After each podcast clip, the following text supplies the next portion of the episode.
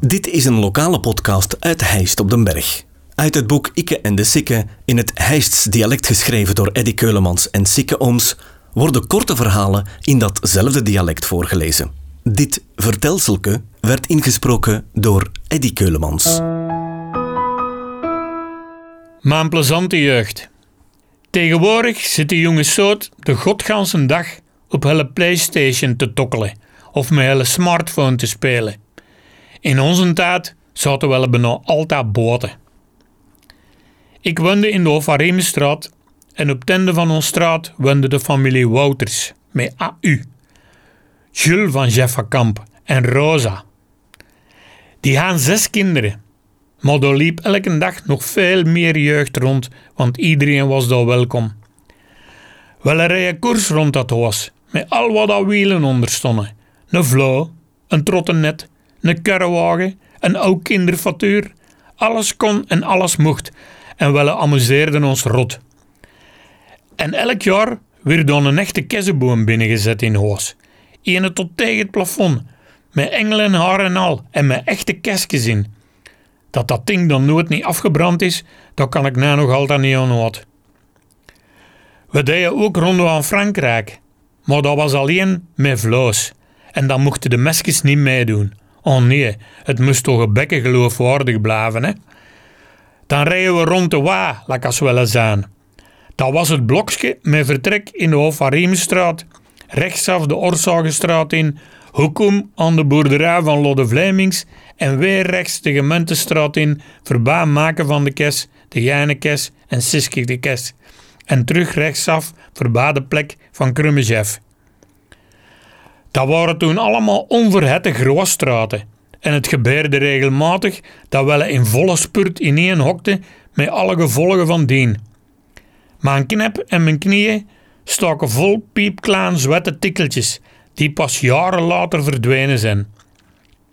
Als dokter Mettes bij ons kwam, dan zaten hem altijd tegen ons moe. Germain, geef eens een ijzeren sponsje, dan zal ik dat er eens uitressen. Maar dan was ik al lang las de achterdeur en weggespuurd. Verbaat of Areme zelf, daar we niet zoveel met onze vrouw. Want daar hadden ze een coalassie die het dikke los had. En dan kwam die rothond de brug afgespuurd als ze ons hoorde. Dan moesten we maken dat we weg waren. De drijf en last dat smal weggesche neven de waar van Mandes van Krummejan.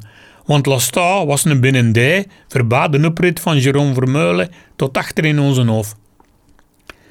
Siske Kes en zijn Joséke, dat waren de ouders van de Polleraad, mijn gebeer en mijn beste maat. Recht over Helle Hoas was een kant en dat was ook ons geliefde speelterrein. In elke hoogte mochten we wel een kamp of een geheime gang en met het hout van die tekken mochten we een mik of een sabel om oorlogsje mee te spelen. De polle kreeg altijd onder zijn voeten van Hellemoe als hem s'avonds te lang wegbleef maar hij trok zijn eigen er weinig van aan. Hij wist toch dat hem nooit niet zwaar gestraft werd. Neven die kant zette Lodde Vlemings altijd een plek koren. Dat kwam goed van pas als we verstopperke gingen spelen. Maar we moesten wel zien dat we niet te veel koren plat liepen, want dan was de Lodde niet goed gezind. Achter die korenplek lag nog een ferm stuk braakliggende grond, voordat je ontwerp was van schoolwaard. Dan die Vlemings hadden met een paar maten een parcours gemokt voor te oefenen met zijn toefer. En dat konden we natuurlijk ook met ons vlokjes duikrossen. In de zomer, als de bekken te warm was om rond te flaneren, dan hadden we nog een plezant tijdverdrijf. We gingen op de loer liggen in de verste hoogte van de kant met onze portefeuille. Die portefeuille legden we in het midden van de gemeentestraat toen de Zandweg en na de Schikkepool van Roosbroeklaan. Maar we hadden dan een visdraad aangebonden, met de bedoeling om argeloze verbagangers te foppen. En dat lukte goed, hè, want zo'n visdraad met wat zand over, dat sieren bekend niet liggen. Het hetste hebben gelachen met Octavie, de vrouw van Marcel Schoen. Die woonde in het eerste huis rechts achter de hof van Frans en Mathilde Huivers, die winkel op de hoek van de Bossenstraat. Vie kwam aangestapt met een vriendin die een kinderfatuur vet stoemte. In Jons kreeg ze onze portefeuille in de mot. Ze schoot voor die factuur de naar de andere kant van de straat en ze riep: Oh, Hiese, dat is de portefeuille van ons schulke. Maar wel trokken het begeerde object natuurlijk ver grabbelhand weg en wel riepen: Nee, nee, dat is onze portefeuille. Ook de vier razend ka natuurlijk en een ruwe kopfets in de richting van Tofareme. Ook vaste prik in de zomer was de papierslag van de Giro. Ik was niet bij de Giro, maar de makke Geerts wel. Die woonde neven de Theo van Marieke Sent en recht over de lange Polle Geens en de Chef de Vries. Bij ons achter in de hof stond altijd een tent. En als de makke een volle kaart papier had, dan kwam hem die eerst in de tent afkappen. Dan konden we wel op ons gemak de playboys eruit zoeken. De Polle de was er zot van, de seksmaniak. Voor de rest deed je wel niks als degen niet ra.